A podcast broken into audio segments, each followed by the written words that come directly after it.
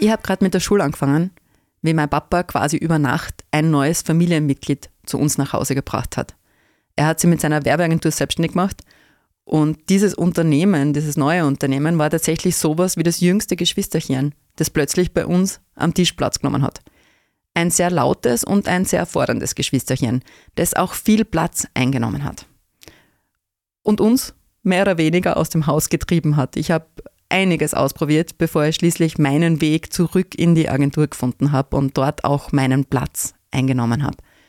Zuerst als die Tochter vom Chef, dann als Teil der Geschäftsführung die Junior-Chefin und jetzt bin ich voller Stolz die Nachfolgerin. Mein Name ist Susanne Hartinger. Ich bin 48 Jahre alt, Mama von zwei großartigen Kindern, Präsidentin eines internationalen Agenturnetzwerks, Coachin für Frauen in Familienunternehmen, Chefin einer Werbeagentur und das hier ist mein Podcast. Cut. Und wer hat's produziert? Das Pod. Deine Podcast-Agentur.